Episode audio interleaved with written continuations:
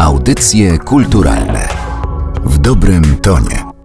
Rozpoczynamy audycje kulturalne. Przy mikrofonie Aleksandra Galant. Dzisiaj nasze spotkanie chciałabym zacząć od cytatu, od słów pewnego redaktora z Gazety Pomorskiej, które pojawiły się na łamach tejże gazety w 2007 roku. Tam pojawiło się takie zdanie: Gość z kwadratową szczęką od 27 lat absorbuje wielbicieli komiksu na całym świecie. To symbol i promocja Bydgoszczy. O kim mowa? O Binio Bilu, którego wielu z Was może kojarzyć. Może kojarzyć między innymi ze Świata Młodych. Zupełnie niedawno album poświęcony i Binio Bilowi i jego twórcy Jerzemu Wróblewskiemu został wydany przez Kulturę Gniewu, a ja mam tę radość, że razem ze mną w naszym studiu jest Szymon Holzman z Kultury Gniewu właśnie, który zgodził się o Binio Bilu ze mną porozmawiać. Witam w audycjach kulturalnych. Dzień dobry. Jak to z tym Binio Bilem było? Może ja robię błąd, że mówię Binio Bil, a nie Zbigniew Bilecki. Losy Piniobila są dość burzliwe i myślę, że wielu czytelnikom i fanom przygód jego, którzy właśnie poznali je w świecie młodych w latach 80., gdzie był jednym z popularniejszych bohaterów w tamtym czasie tej słynnej harcerskiej gazety, mogą być nieznane. Trzeba na początku powiedzieć o twórcy, czyli Jerzym Wróblewskim, jednym z absolutnych klasyków polskiego komiksu, jednym z najbardziej płodnych twórców tego komiksu, bo z niesłychaną intensywnością on tworzył kolejne plansze przygód, nie tylko Biniobila, ale choćby kapitana Żbika, bo jest autorem największej ilości zeszytów z jego przygodami. Też zasłynął komiksami sensacyjno-kryminalnymi, jak figurki Stilos, Czarna Róża. To były dla mnie, bo ja jestem na tyle stary, że pamiętam ich premiery w latach 80., to były wielkie wydarzenia. To była totalna ekscytacja, bo Jerzy Wróblewski miał ten niesamowity talent właśnie do tworzenia komiksów i robił je w tamtym czasie w absolutnie amerykańskim stylu, powiedzielibyśmy wtedy, bo wszystko co amerykańskie kojarzyło nam się z czymś fantastycznym, lepszym i kolorowym i takie też były te komiksy. Ale to po prostu był świetny komiks, w którym e, Wróblewski potrafił oddać dynamikę postaci, potrafił stworzyć na płaskiej karcie świat, który był dla nas wtedy absolutnie fascynujący i tam się czaiły nieskończone ilości przygód i wrażeń. Tenże Jerzy Wróblewski, jego ulubionym gatunkiem był western. Western, w którego świat prowadził jego starszy brat, Zygmunt. I te westerny Jerzy Wróblewski pochłaniał w każdej formie i hurtowo. Westerny wypożyczane z biblioteki, chodzenie do kina codziennie. Jeśli tylko był western w bydgoskim kinie grany, to codziennie na to, żeby oglądać Rio Bravo czy Siedmiu Wspaniałych. I ponoć znał te filmy na pamięć. Klatka po klatce mógł je odtwarzać. A siłą rzeczy też przyszło, bo miał tą smykałkę do snucia własnych historii. Po przyjęciu takiej ilości westernów pojawiła się też chęć, potrzeba intensywna w nim, żeby samemu tworzyć opowieści westernowe i robił to najpierw właśnie w gronie rodzinnym, opowiadał historie westernowe, wymyślał y, swoje fabuły na Dzikim Zachodzie, które opowiadał bratu, potrafił w najbardziej ekscytującym momencie powiedzieć to ciąg dalszy jutro. O nie. E, więc ewidentnie miał do tego smykałkę, no i miał smykałkę do rysowania. W związku z tym ta fascynacja i westernem, i, i rysowaniem, i komiksami, no musiała zaowocować w końcu tworzeniem komiksów westernowych. I on od już lat 60. tworzył bardzo dużo tego typu historii.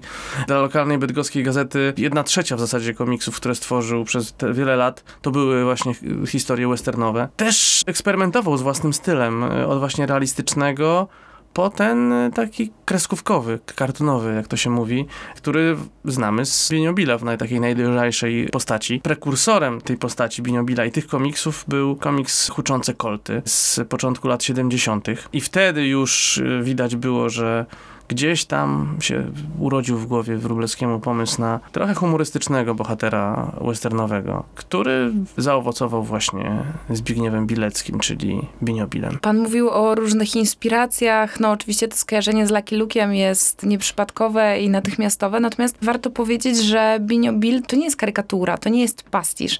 To jest pełnoprawny cowboy, który ma swoje Rio Clavo, który ma konia cyklona i on nie jest taką, powiedziałabym, uboższą wersją żadnego z, ze swoich pierwowzorów. Nie, absolutnie nie. Nie tyle pełnoprawny kowboj, ile pełnoprawny szeryf. Pełnoprawny szeryf. Jest e, szeryfem, strzegącym prawa i sprawiedliwości na dzikim zachodzie. Tak, to porównanie do Lucky Luke'a nasuwa się automatycznie, bo po prostu Lucky Luke jest najsłynniejszą realizacją humorystycznych opowieści na dzikim zachodzie w komiksie. Po prostu. Jest znany na całym świecie, więc trudno, żeby biniobilnie e, budził tych skojarzeń, ale tak naprawdę to połączenie jest no właśnie takim. To jest również humorystyczny komiks komiks, który dzieje się na dzikim zachodzie, narysowany tą lekko karykaturalną kreską, nie aspirujący do przesadnego realizmu, a raczej mający czytelników wciągać i bawić. Więc jakby to są te punkty styczne z Lucky Luke'em i trudno z tego czynić zarzut y, Jerzemu Wróblewskiemu, bo humorystyczną opowieść komiksową na Dzikim Zachodzie ma prawo stworzyć każdy. Kilka lat temu, w 2007 roku, portal Stop Klatka stworzył taką ankietę dotyczącą najbardziej oczekiwanej adaptacji polskiego komiksu i zwyciężył właśnie Binio Bill, zdobywając 13% głosów wszystkich użytkowników tego portalu, ale nie zawsze Binio Bill był tak ważny i trochę czasu zajęło, zanim on zyskał swoje miejsce w popkulturze. Zanim trafił do świata młodych, to chwilę zajęło, bo pierwsza opowieść z Biniobilem stworzona była przez Wróblewskiego w połowie lat 70. już, Rio Clavo, i próbował przekonać Wróblewski wydawnictwo Sport i Turystyka do jej publikacji. A Sport i Turystyka publikował m.in. czy pracował nad zeszytami kapitana Żbika, natomiast dla tego wydawnictwa, które właśnie słynęło ze Żbika, z pilota śmigłowca i jeszcze z paru komiksowych serii, które kojarzone były z komiksem realistycznym, dzisiaj powiedzielibyśmy też, że propagandowym, bo takie były to serie. Ten Binio Bill y, zupełnie nie pasował po prostu, bo odbiegał od wszystkiego, co reprezentowały sobą te komiksy ze sportu i turystyki. Natomiast, jako że to było wielkie marzenie, żeby opublikować Binio Billa, marzenie Wróblewskiego, to szukał dalej i wysłał to naturalny oczywiście w tamtych czasach krok. Jak tylko powstał magazyn Relax, słynny magazyn komiksowy Relax w drugiej połowie lat 70., to tam wysłał Wróblewski do Henryka Kurty, naczelnego Binio Billa i się bardzo spodobał od razu i miał być publikowany w czwartym numerze magazynu Relax. Natomiast między trzecim a czwartym magazynem Relax zaszła pewna zmiana w oczekiwaniach wydawcy, czyli tak naprawdę władzy wobec tego magazynu. Zaczęły się pojawiać historie właśnie mocno propagandowe, a nie czysto rozrywkowe komiksy, za które fani kochali Relax, magazyn Relax. Więc y, spadł, mimo, y, tak powiem, umowy, mimo ustaleń, spadł z planowanego numeru czwartego Relaxu Bidio Bill i znowu nie miał domu i znowu czytelnicy nie mogli poznać jego przygód. Aż wreszcie w roku 80 Bill trafił w ręce redaktorów Świata Młodych, to tam Wróblewski wysłał propozycję komiksu i spodobał się natychmiast. I od tamtej pory zaczął w odcinkach na tej słynnej ostatniej stronie gazety harcerskiej ukazywać się kolejne przygody Biniobila i zyskiwały coraz większą popularność. No, gazeta wtedy rozchodziła się w nakładzie 450 tysięcy egzemplarzy. Dość astronomiczna ilość, jak z dzisiejszej perspektywy. To siła rażenia tego pisma, a tym samym komiksów, które przynajmniej w mojej ocenie były najważniejszą częścią tej gazety, była olbrzymia. I przez te lata 80. ta sława Biniobila w kręgach czytelników komiksów rosła i rosła i rosła, aż doczekała się zwieńczenia w roku 88 bodaj, kiedy Krajowa Agencja Wydawnicza wydała pierwszy album premierowy z przygodą Biniobila, czyli Biniobili Skarb Pajutów. I wydawałoby się, że teraz wielka popularność spłynie na bohatera stworzonego przez Wróblewskiego, ale wiatr historii zawiał, stało się inaczej. Za chwilę system się zupełnie w kraju zmienił, zmieniło się wszystko i komiksy zeszły na daleki, daleki plan. E, a niestety w 1991 roku sam Wróblewski zmarł. Dużo, dużo za wcześnie. Jeszcze wiele komiksów miał na pewno do zrobienia. I Binio Bill gdzieś e, został w sercach tak naprawdę najzagorzalszych fanów komiksowej sztuki, którzy trzymali w domach, w szufladach te wycięte odcinki Binio Billa, powklejane w zeszyty, zrobione prowizorycznie amatorsko albumy. Wiele takich widziałem w różnych kolekcjach. I musiało minąć trochę czasu, zanim doczekał się Binio Bill porządnej albumowej edycji.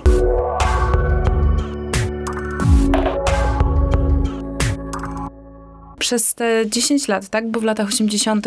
przygody szeryfa Biniobila pojawiały się na ostatniej stronie Świata Młodych. Przez ten czas można powiedzieć, że Biniobil i ten komiks zyskał status kultowego. To jest teraz takie nieładne, trochę wycierające się słowo, ale niech będzie, bo wiemy o co chodzi. Na tym właśnie chciałabym się teraz skupić, na tym, jakie Biniobil miał znaczenie dla tych młodych ludzi, którzy czytali i Świat Młodych, i którzy czekali na kolejny odcinek, bo w albumie, który wydała Kultura Gniewu, zamieszczone są listy czytelników, którzy podkreślają, że ten Biniobil jest dla nich czymś naprawdę ważnym, a mam wrażenie, że Jerzego Wróblewskiego traktowali jako kogoś, do kogo mogą zwrócić się o radę, kogoś ważnego dla siebie personalnie. Binio Bill był komiksem kultowym, natomiast mam wrażenie, że absolutnie nie ujmując tutaj niczego Binio Billowi, że dla fanów komiksu bardzo wiele komiksów było niesłychanie ważnych w tamtym okresie z prostego powodu.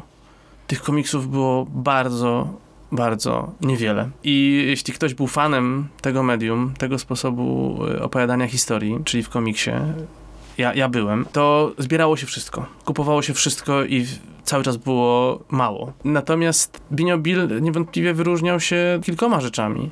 Był bez wątpienia i nadal jest niezwykle profesjonalnie zrobionym komiksem. Świetnie zaplanowanym, narysowanym, z intrygującymi scenariuszami i, i, świetnym poczuciem humoru. Był na swój sposób egzotyczny, bo właśnie pokazywał dziki zachód, który westerny w ogóle w tamtym czasie, pamiętam to jak dziś, mój tata zresztą jest wielkim fanem westernów, więc u nas w domu jak tylko telewizja polska w tamtym czasie coś, cokolwiek westernowego puszczała, to telewizor grał i oglądaliśmy. Więc ten western jako gatunek w ogóle był popularny i to też przyciągało uwagę do Biniobila. To też był mimo niedostatków ówczesnej poligrafii, jak się spojrzy na te komiksy drukowane w świecie młodych, to te kolory tam dalece odbiegają od wizji autorów pierwotnej. Mimo tych niedostatków poligrafii, to był właśnie niezwykle też kolorowy komiks. To wtedy, w tamtym czasie, w czasie czarno-białej telewizji i w ogóle dość szarego świata, było niezwykle ważne.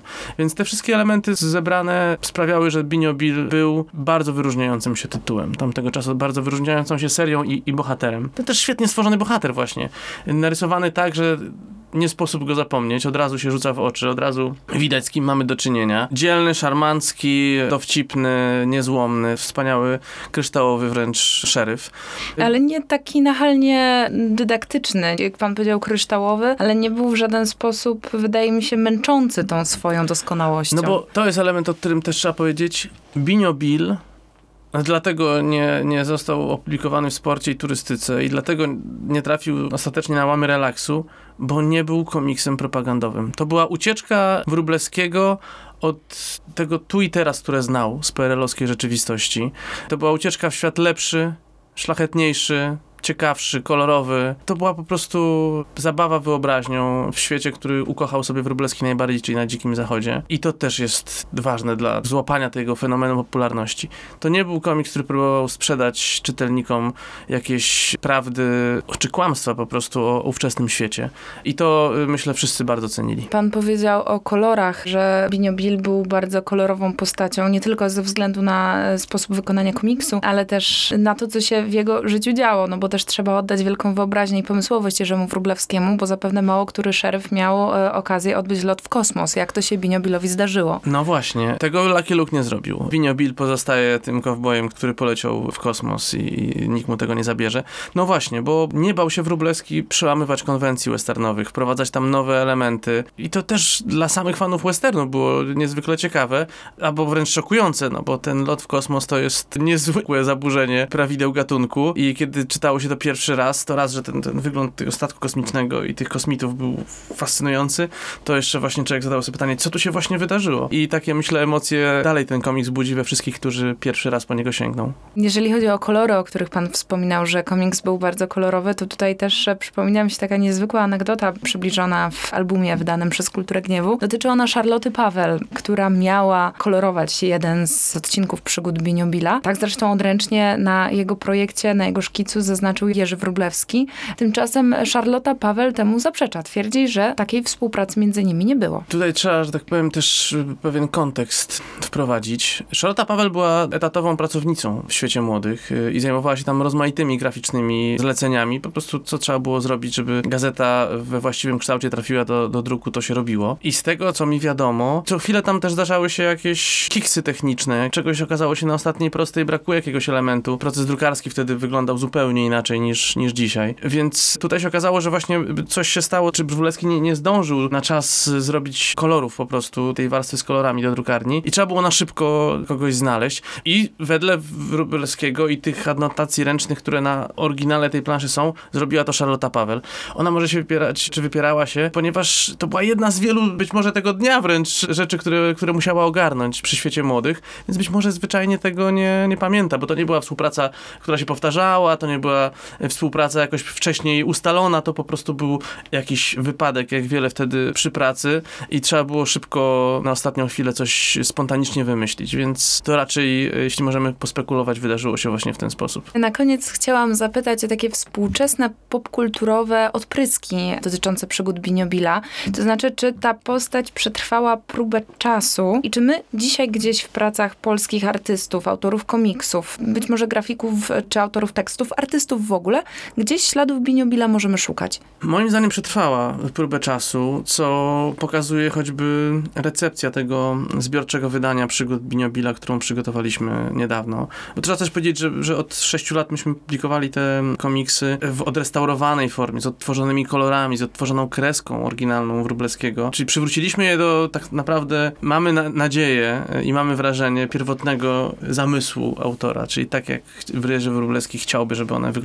I wydawaliśmy je w albumach i te albumy, ich treść znajduje się w tym zbiorczym wydaniu, plus właśnie jest tam kilkadziesiąt stron dodatków z historią postaci, z rozmaitymi ciekawostkami. Ale też jest na końcu galeria rysunkowych hołdów złożonych Biniobilowi przez współczesnych twórców polskiego komiksu i tam pojawiają się tacy autorzy jak KRL, czyli Karol Kalinowski, autor Łaumy, jak Michał Śledziński, autor Osiedla Swoboda, jak, jak Piotr Nowacki, autor niezwykle popularnej serii dla dzieci Detektyw Miss Byś. I oni wszyscy darzą Biniobila wielką miłością komiksową. I wielu z nich przyznaje, że te komiksy czytane przez nich w latach 80., bo są z tego pokolenia, co i ja, sprawiły, że zafascynowali się komiksem i chcieli sami ten komiks tworzyć, opowiadać za jego pomocą swoje historie, więc y, ja myślę, że to dziedzictwo Biniobila i Wróblewskiego będzie jeszcze długo trwało, choćby dzięki takim wznowieniom, jak, jak to nasze, aczkolwiek po Wróblewskiego komiksy stare sięgają też inni wydawcy, jak choćby wydawnictwo Ongryz, więc y, trafia on do nowych rąk czytelniczych i wiem, że wielu czytelników współczesnych jest zaskoczonych tym, jak czytając ten wielki tom z przygodami Biniobila, jak one dobrze zniosły próbę czasu, jak to się świetnie czyta,